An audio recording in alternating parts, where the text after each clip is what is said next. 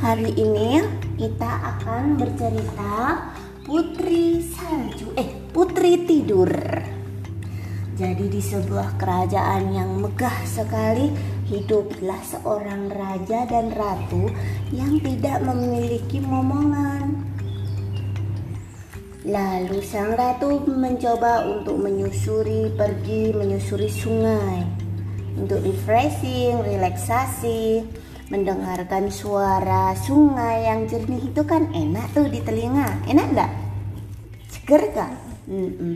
Tiba-tiba muncullah ikan. Tuh ini. Tunggu. Tuh Wiwin. Tunggu ibu. Oh iya. Ibu. Wah, ikannya bilang gitu. Oh ya. Aduh. Lalu salah seorang ikan menampakkan kepalanya di permukaan air. Wiwin ini.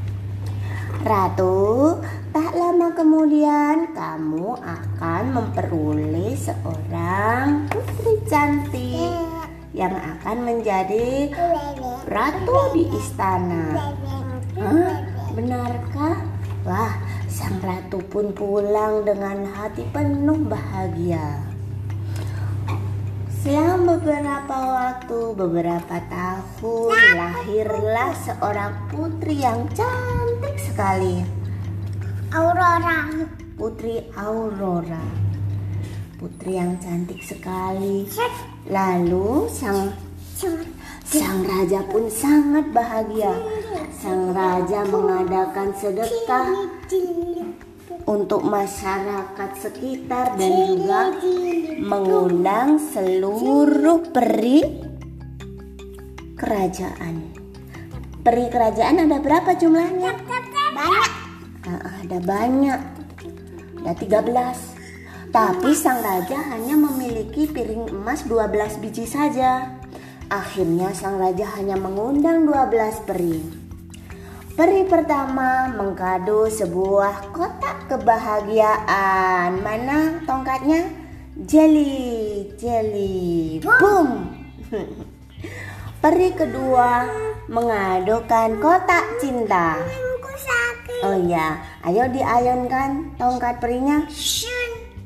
Bim salah bim bum. Oh, lalu peri ketiga mengadukan kotak kecerdasan.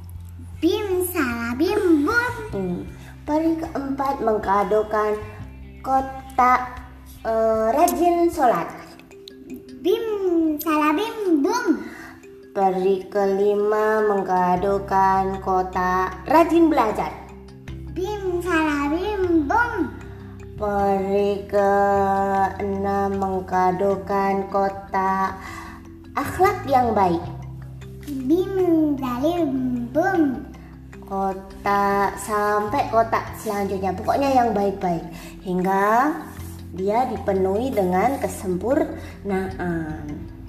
Lalu datanglah peri yang ke-13 dengan penuh amarah karena tidak diundang.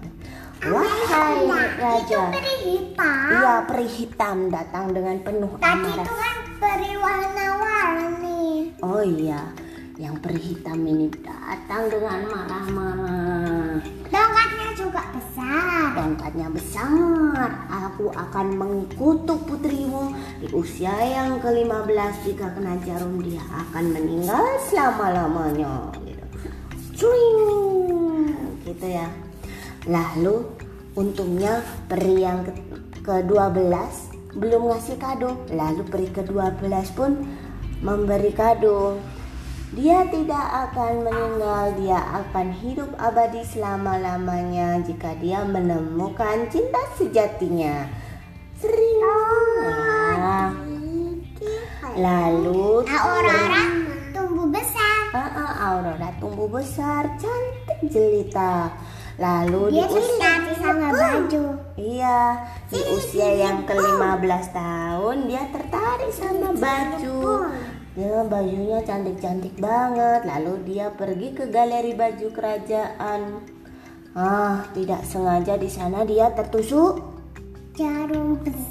Jarum seruncing. oh, oh, jarum runcing, seruncing. Lalu dia akhirnya tertidur seluruh kerajaan tertidur. Raja dan ratu yang baru datang pun tertidur.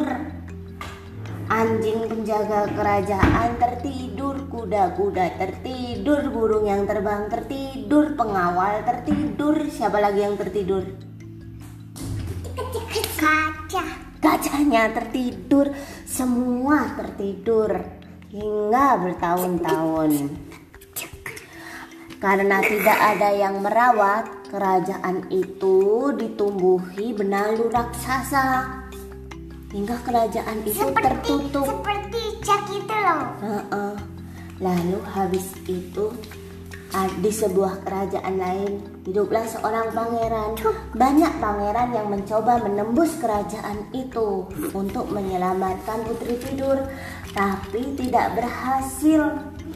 Lalu ada salah seorang pangeran yang pemberani. Dia mencoba untuk menyelamatkan putri itu. Dia menembus benalu-benalu raksasa dan berhasil. Akhirnya dia melepaskan jarum yang tertusuk tadi. Cuing. Ah, Putri Aurora hidup kembali. Raja dan Ratu eh, kok hidup sih? Apa namanya? Eh, terjaga ya bangun. Putri dan rat, eh, ratu dan raja pun terbangun. Gajah yang semula tidur terbangun, pengawal terbangun semua terbangun. Wah, akhirnya kerajaan pun kembali kepada sedia kala. Pangeran dan putri hidup bersama di kerajaan yang megah dengan penuh bahagia. Itulah dia cerita Aurora sang putri tidur.